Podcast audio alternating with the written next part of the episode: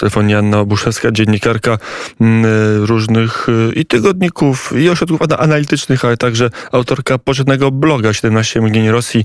Dzień dobry, panie redaktor. Dzień dobry. Jak Rosjanie patrzą na ten konflikt, 16 dni walk mija. Informacja z naszej białoruskiej redakcji. Tylko przez Białoruś, przez tej ostatnie dni miało być przewiezionych 2,5 tysiąca ciał rosyjskich żołnierzy, być może więcej, leży gdzieś w, w ukraińskiej ziemi, a przecież są jeszcze inne kanały bezpośrednio do Rosji z Donbasu. Czy skala tej operacji wojennej, specjalnej, także skala ofiar dociera do społeczeństwa rosyjskiego? No właśnie w tym rzecz nie dociera. Takich informacji Rosjanie nie otrzymują e, z mediów, które są kontrolowane przez Kreml, a kontrolowane są w tej chwili wszystkie.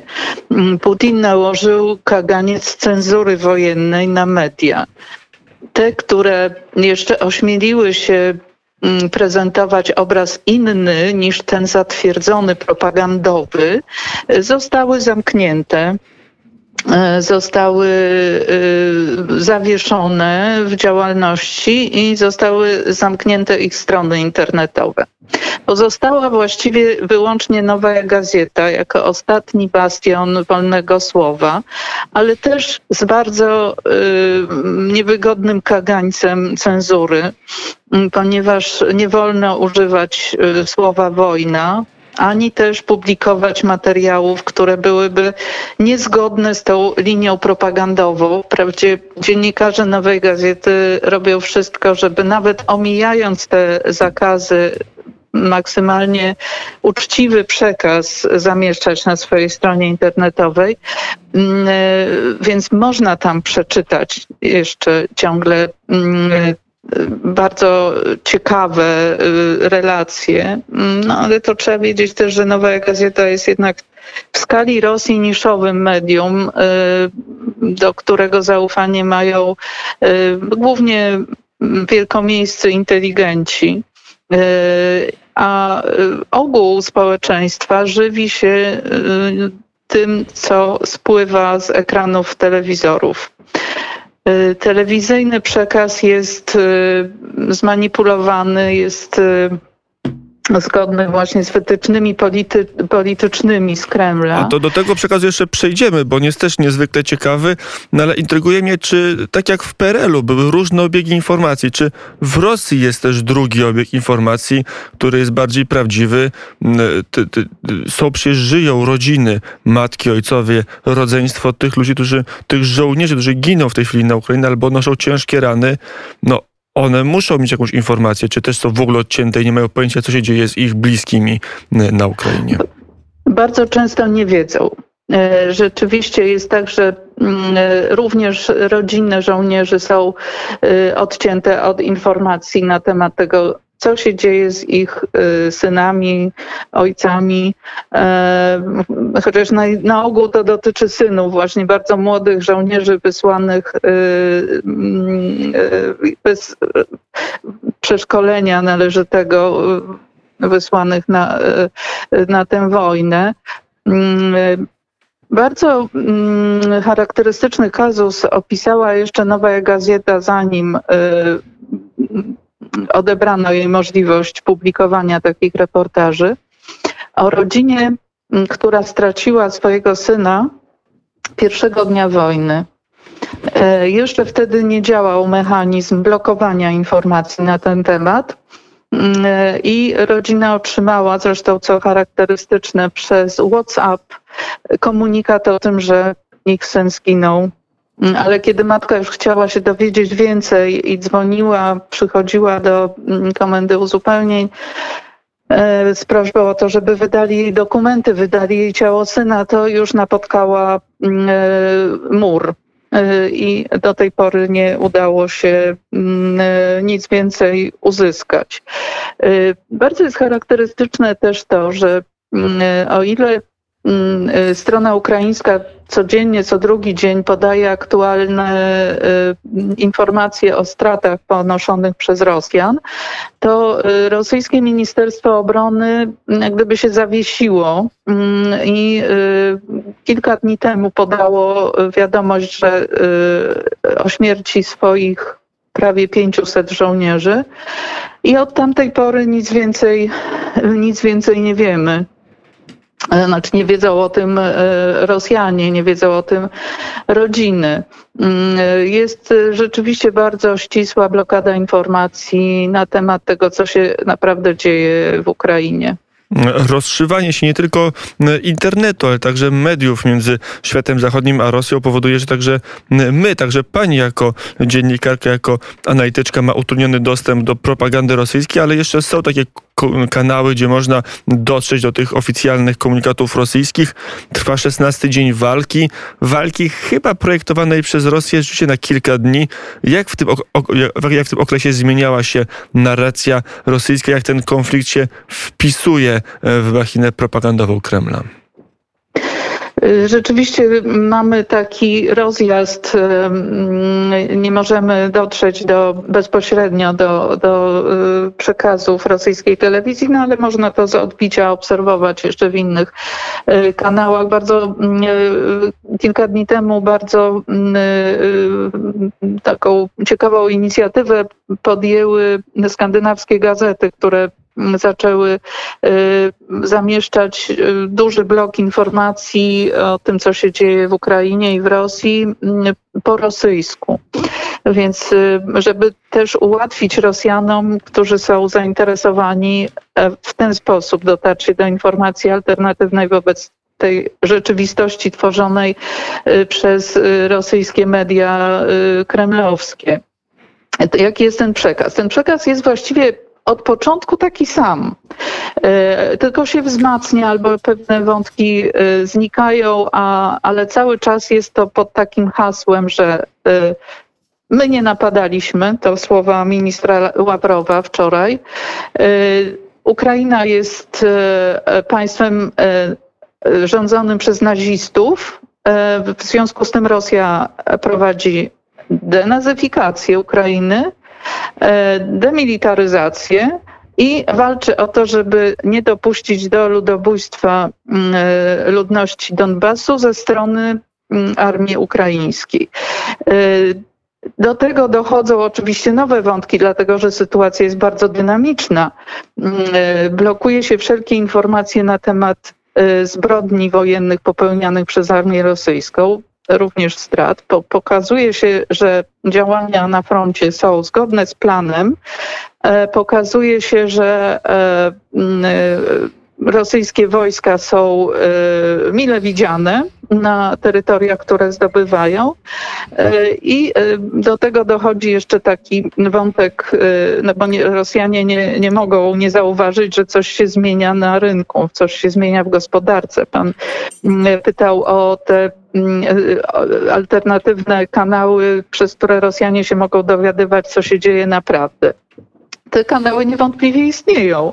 Dlatego, że jeśli okazało się, że McDonald's zamyka swoje e, e, restauracje w Rosji, to pod tymi lokalami się ustawiały gigantyczne kolejki na takiego ostatniego hamburgera pożegnalnego. Jak się okazało, że będą wprowadzane jakieś limity na wypłaty, skąd, że, że brakuje dolarów, że brakuje żywej gotówki, to też gremialnie mieszkańcy wielkich miast, którzy korzystają z takich y, bankowych instrumentów, y, ruszyli, żeby wypłacać pieniądze, żeby mm, y, wypłacać z bankomatów, żeby, żeby wydawać jakieś dyspozycje dotyczące swoich kont walutowych. Więc niewątpliwie tak, poczta pantoflowa jak najbardziej istnieje. Bo ciekawy jest też taki, mm, taki mechanizm obronny, jakby mechanizm obronny, który działa. To myślę, że jest bardzo ciekawy temat dla psychologów, dla socjologów, y, że nawet jeśli te informacje o, o zbrodniach, o, o, o,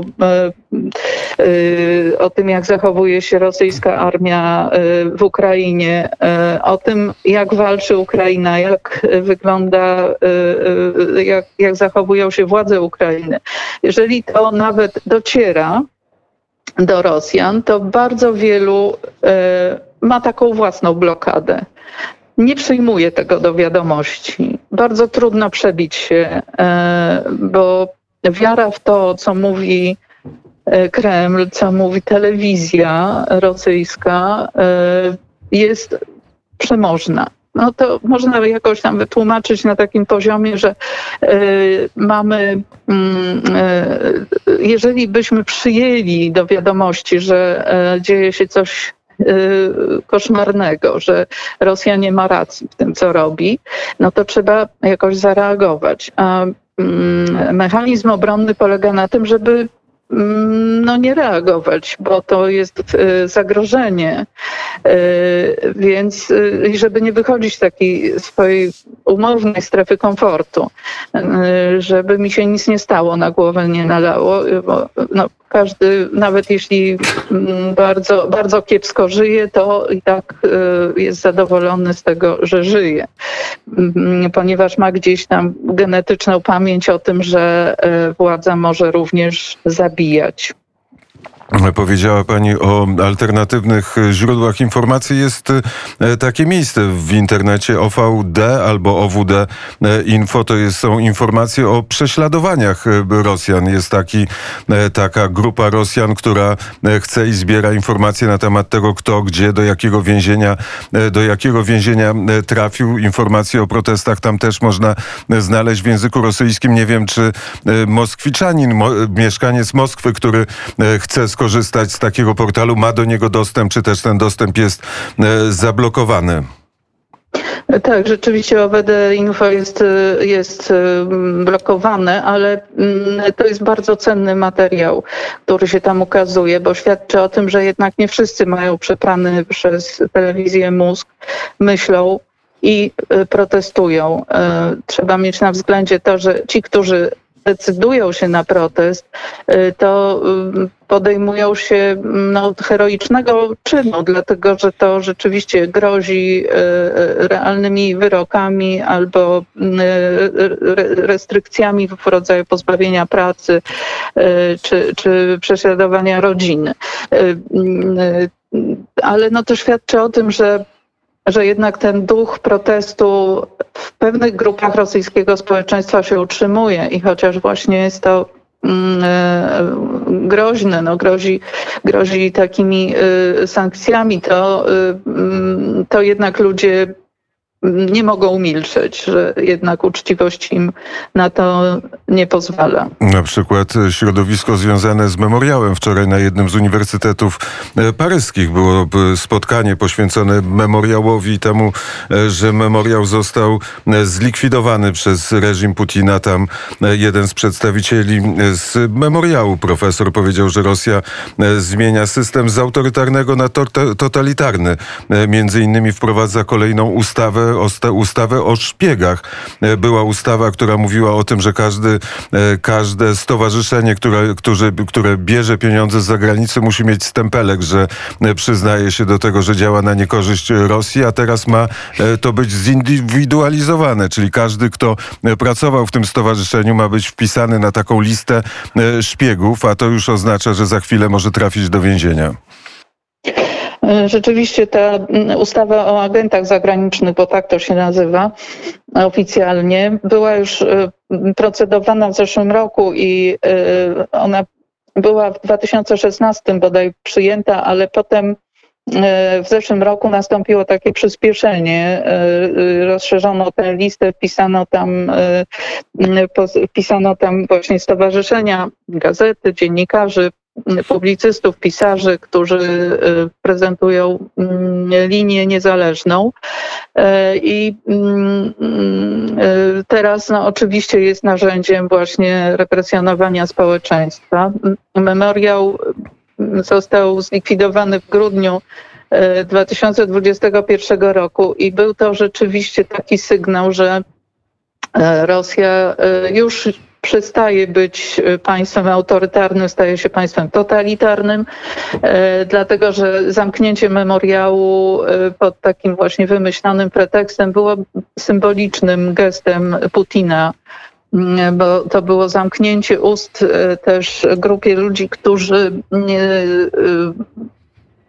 podważali e, kłamliwą wersję historii narzucaną przez Putina i głoszoną przez jego propagandystów, mm, pokazującą wybieloną wersję historii najnowszej, zwłaszcza XX wieku, po 1939 roku. E, a memoriał, e, to warto przypominać za każdym razem, mm, położył niesłychane zasługi, jeśli chodzi o e, mm, badanie zbrodni katyńskiej. Mm, I gdyby nie historycy z tego memoriału, wielu rzeczy byśmy do tej pory nie wiedzieli. I to też jeden z bardzo ważnych powodów stworzenia takiej Rosji, jaką teraz widzimy, czyli to zakłamywanie historii, pokazywanie, właściwie tworzenie nowych bytów historycznych, których nie było, a które do celów, aktualnych celów bieżących politycznych Putinowi się przydawały w różnych momentach. A teraz przydają się jeszcze bardziej. Na antenie Radia Wnet Łabuszewska. Dwie szybkie informacje. Pierwsza jest taka, że wedle informacji już potwierdzonych. Dzisiaj o godzinie 16 odbędzie się w Sejmie posiedzenie Zgromadzenia Narodowego, gdzie wystąpi prezydent Andrzej Duda. To wiemy, ale wiemy też, że z wystąpieniem do polskiego połączonych izb Sejmu i Senatu wystąpi Władimir Zełenski, prezydent Ukrainy, oczywiście w formie połączenia wideo. A druga informacja dla słuchaczy za kilka, kilkanaście minut na naszym Facebooku odbędzie się transmisja live z Kijowa Pawła Bobołowicza, więc ktoś chce zobaczyć Kijów na żywo, to zapraszamy na e, portal facebookowy Radia Wnet. Wracamy do rozmowy Anna Łabuszewska, Krzysztof Skowroński. E, mówiliśmy o kłamliwej e, wersji historii. Ta kłamliwa wersja historii to jest coś przygotowanego przez historyków rosyjskich na zlecenie Władimira Putina, ale w 2007 roku powstała, powstała organizacja, która się nazywa Ruski Mir na, na wzór rozmaitych instytutów, takich jak British Council albo e, francuskie czy niemieckie, e, niemieckie takie grupy wpływające, czy, czy instytuty Konfucjusza chińskie, które miały e, pokazywać rosyjską propagandę, przekazywać na uniwersytety zachodnie. Na czele tego ruskiego miru stoi Wiaczesław Nikonow, bliski współpracownik Władimira Putina, ale też wnuk Mołotowa, jak nazwał to go, go jeden z uniwersytetów uniwersytetów izraelskich legendarnego ministra spraw zagranicznych. Taki, e, co ten ruski mir zrobił? Ile zdziałał? Były biura zagraniczne w Paryżu i jeśli dobrze pamiętam w Stanach Zjednoczonych wysłano tam sprawdzonych towarzyszy e, politologów, którzy mieli bratać na miejscu z, mm, y, z tymi, którzy chcieli słuchać tej wersji. Y, to było pod płaszczykiem mm, takiej y, szerzenia wiedzy o języku rosyjskim, przede wszystkim o kulturze rosyjskiej, ale przy okazji sączono takie właśnie propagandowe treści. Co do samego Wiaczesława Nikonowa, on był on jest politologiem, ale też był politykiem, był deputowanym Dumy Państwowej, miał duże wpływy. Prowadzi do tej pory mm, program, który się nazywa Wielka Gra w telewizji, w pierwszym kanale i też sączy mm, Rosjanom do głów te właśnie treści mm, zaakceptowane odgórnie. Pytał Pan o to, czy to miało e, duży wpływ na kształtowanie, e, na kształtowanie postaw, czy, czy dochodzenie z taką właśnie kremlowską prawdą, mówię to w cudzysłowie, do, e, do środowisk zachodnich. Myślę, że niewielki, że jednak te instytuty nie miały nie miały jakiegoś znaczącego pole rażenia. Myślę, że znacznie większe pole rażenia miały propozycje współpracy gospodarczej, czy, tak, czy nawet korupcji politycznej.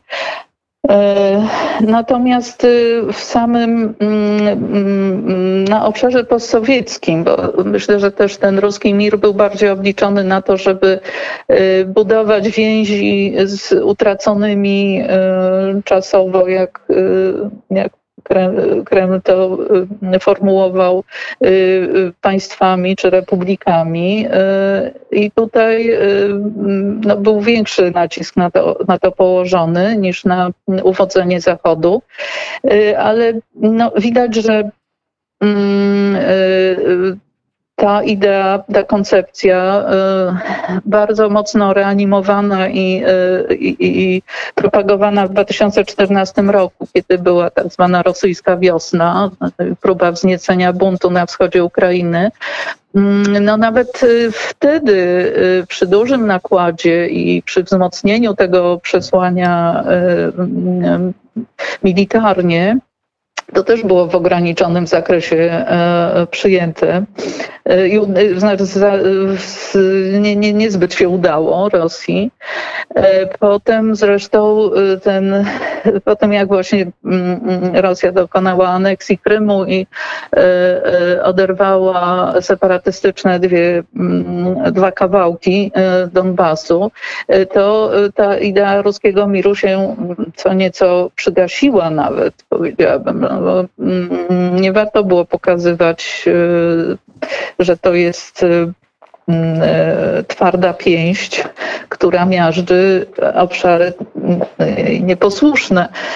Więc to, to znowu teraz się wznieciło jako temat. Myślę, że ci, którzy nawet mieli jakiś, jakiś cień sympatii dla Rosji, Y, na Zachodzie no, albo zamilkli, albo zwrócili się przeciw Rosji i mówią teraz inaczej. Ale e, jednak są e, intelektualiści i liderzy polityczni, Francja, Hiszpania, Włochy, którzy e, mówią albo próbują mówić nie bezpośrednio językiem Putina, bo oczywiście każdy mówi, że agresja na Ukrainę to jest coś złego, natomiast szukają rozmaitych usprawiedliwień, a to, że Rosja jest okrążona, to niepotrzebnie rozszerzyło się NATO w 1999 2010 roku. Takie zdania padają w debacie publicznej Francja, Włochy, Hiszpania. No tak, mamy taką tradycję jeszcze od czasów Lenina, który nazywał mm, takich właśnie pozyskanych agentów e, wpływu pożytecznymi idiotami. E, I ta tradycja się, jak widać, utrzymuje, nawet w tak dramatycznym i tak jednoznacznym, e, jednoznacznej sytuacji, jak wywołana przez Putina wojna w Ukrainie. E, taka, e, taki był e, koment, taki był felieton, artykuł w New York Timesie, który opowiadał o Putinie, który, który jest, właściwie do niego ma dostęp tylko jeden oligarcha rosyjski, który nazywa się Kowalczuk. Kim jest ten Kowalczuk i czy to może być prawdziwa opowieść o kompletnie odizolowanym dyktatorze Rosji?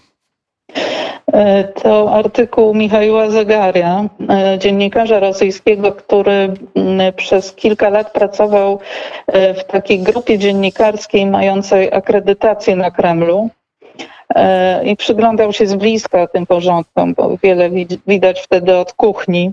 Mm, tak, on napisał o tym, że osobą, która była najbliższa Putinowi przez ostatnie dwa lata, był Michał Kowalczuk. E, to jest człowiek, którego Putin zna z Petersburga. E, e, ma bardzo bliskie powiązania. Jeszcze mm, jest taka, takie pojęcie, powiedziałabym, politologiczne kooperatywa Oziero. Mm, grupa ludzi znajomych Putina, którzy Mm, korzystając y, z wpływów, jakie on miał wówczas w merostwie Petersburga, y, był zastępcą mera, mm, wykorzystali do tego, żeby kupić piękne działki wypoczynkowe nad, nad jeziorem niedaleko Petersburga. I zawiązał się wtedy taki krąg biznesowy wokół Putina i bracia Kowalczukowie do niego należeli. To, że Putin od dwóch lat e, siedzi w bunkrze, ponieważ obawia się zakażenia koronawirusem, nie jest tajemnicą dla nikogo. To obserwujemy na co dzień od momentu, kiedy wybuchła pandemia.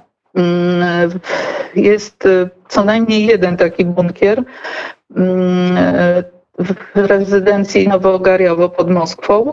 E, tam Putin prawdopodobnie spędza mm, dużo czasu i e, Zegar pisze o jeszcze jednej prezydencji, mniej formalnej, bo ta Nowogariowa to jest formalna, to jest oficjalna rezydencja prezydenta Rosji. E, Zegar pisze o tej mniej oficjalnej na Wałdaju, na północy Rosji. Mm, tam takich właśnie bardziej y, nieformalnych, wypoczynkowych okolicznościach przyrody Putin przebywał, ale rzeczywiście nie dopuszczał do siebie nikogo z zewnątrz, obawiając się zarazy. No, to jest tak, że kontaktował się ze światem za pomocą połączeń online. Rosyjska telewizja nadawała niemal codziennie takie mm, dyżurne komunikaty o tym, że było spotkanie Putin spotkał się a to z gubernatorami, a to z ministrami. E, Rosjanie nawet prześmiewczo nazwali ten rodzaj e, e, komunikacji prezydenta mm, ikonostasem, bo ten obrazek był taki, że Putin siedział za biurkiem, miał naprzeciwko ogromny monitor, na którym te, te gadające głowy polityków, z którymi się spotykał, się ukazywały. Rzeczywiście wyglądały jak, jak ikonostas. E, ta izolacja pogłębiła w Putinie niewątpliwie mm, takiego fobię, które w nim narastają, i e, poczucie zagrożenia i konieczność obrony przed zagrożeniem ze strony świata, który coraz mniej e, Putin rozumie, bo nie dotyka go sam. Bazuje na tym, co dostaje codziennie w teczkach od swoich służb e, i e, jest coraz, coraz bardziej czuje się zagoniony e, do narożnika. Myślę, że z tego też wiele jego decyzji wynika, że nie ma możliwości sprawdzenia alternatywy, że w otoczeniu jego również mm, przeważają osoby, które mu przytakują, które nie mają odwagi, żeby sprzeciwić się, przedstawić inne zdanie. E, to jest też taka no, trwająca przez lata selekcja mm, współpracowników. Putin najwyraźniej lubi, żeby mu przytakiwano, a nie żeby z nim dyskutowano. Nie może być tak, że on nie wie, co dzieje się na Ukrainie? Na pewno wie. No, służby mu o tym donoszą.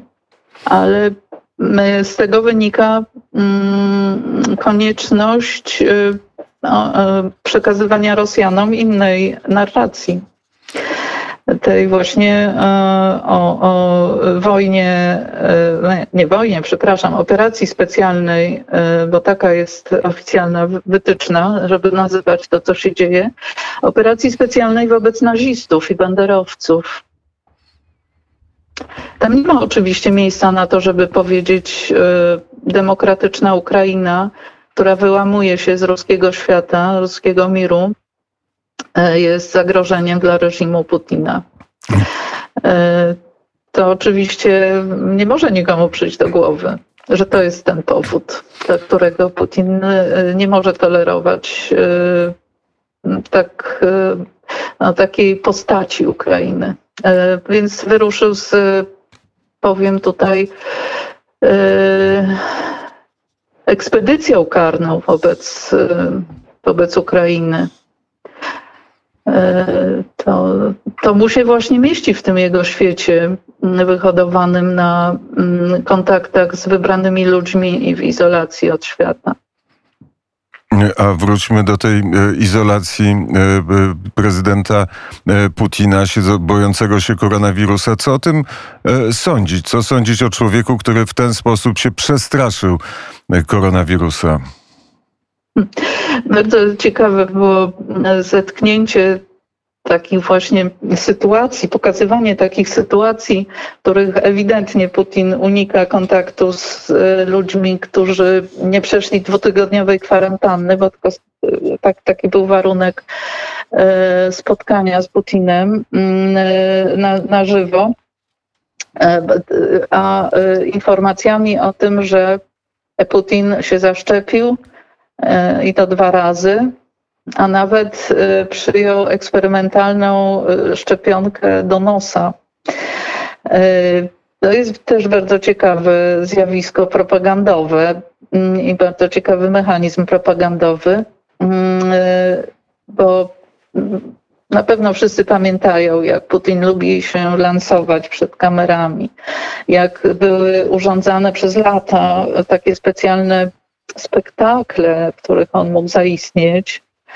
E, a to mm, na wakacjach na Syberii jeździł konno, łowił ryby, mm, latał e, na paralotni z mm, ginącym gatunkiem żurawi albo nurkował e, na dnie morza w batyskafie i znajdował tam jakieś antyczne amfory. No, zawsze takie teatrum było przedstawiane, a tutaj nie było takiego spektaklu, jak prezydent się szczepi.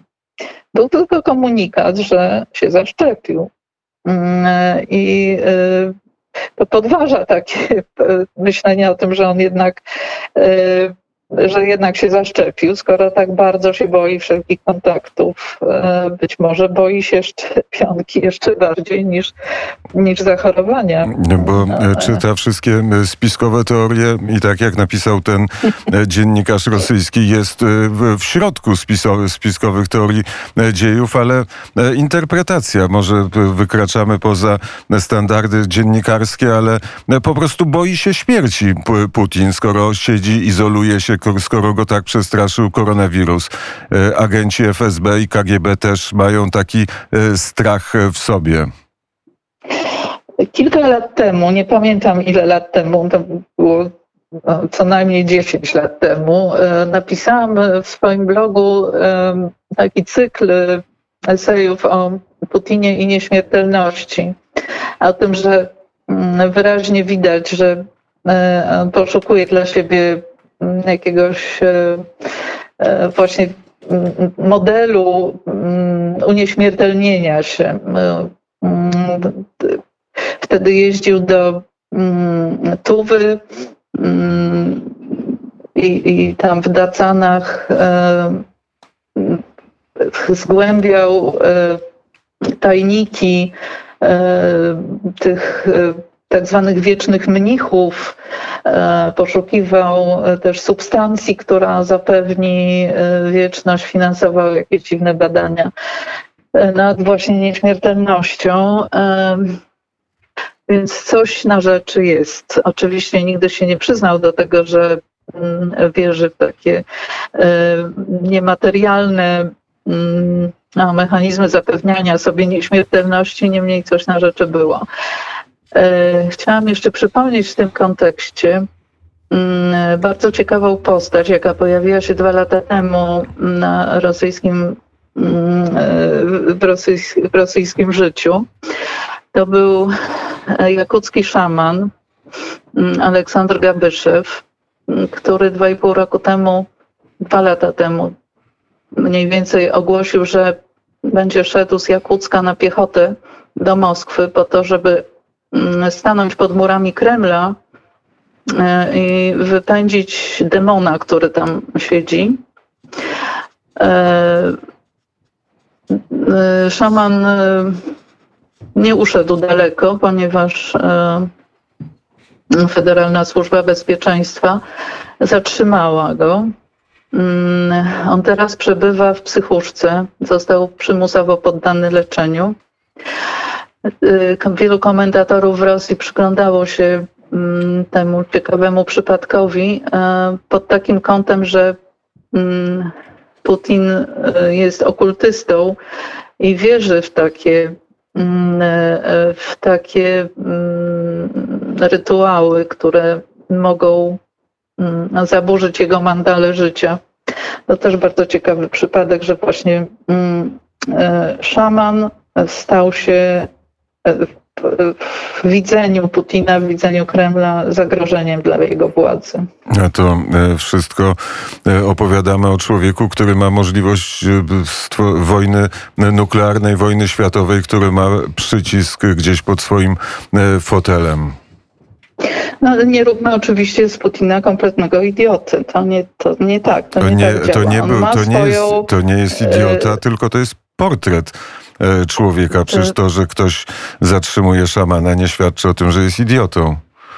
Nie, oczywiście, że nie. I Putin ma swoje racjonalne, jeśli można tak powiedzieć, tak, w swojej logice y, postępowanie.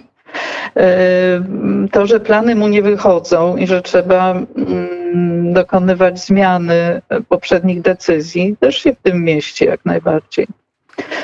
Y, To, że mm, bardzo, bardzo uważnie, myślę, przygląda się temu, jak działają pewne mechanizmy, jak, y, jak y, używanie takich narzędzi jak propaganda doskonale ułatwia prowadzenie polityki.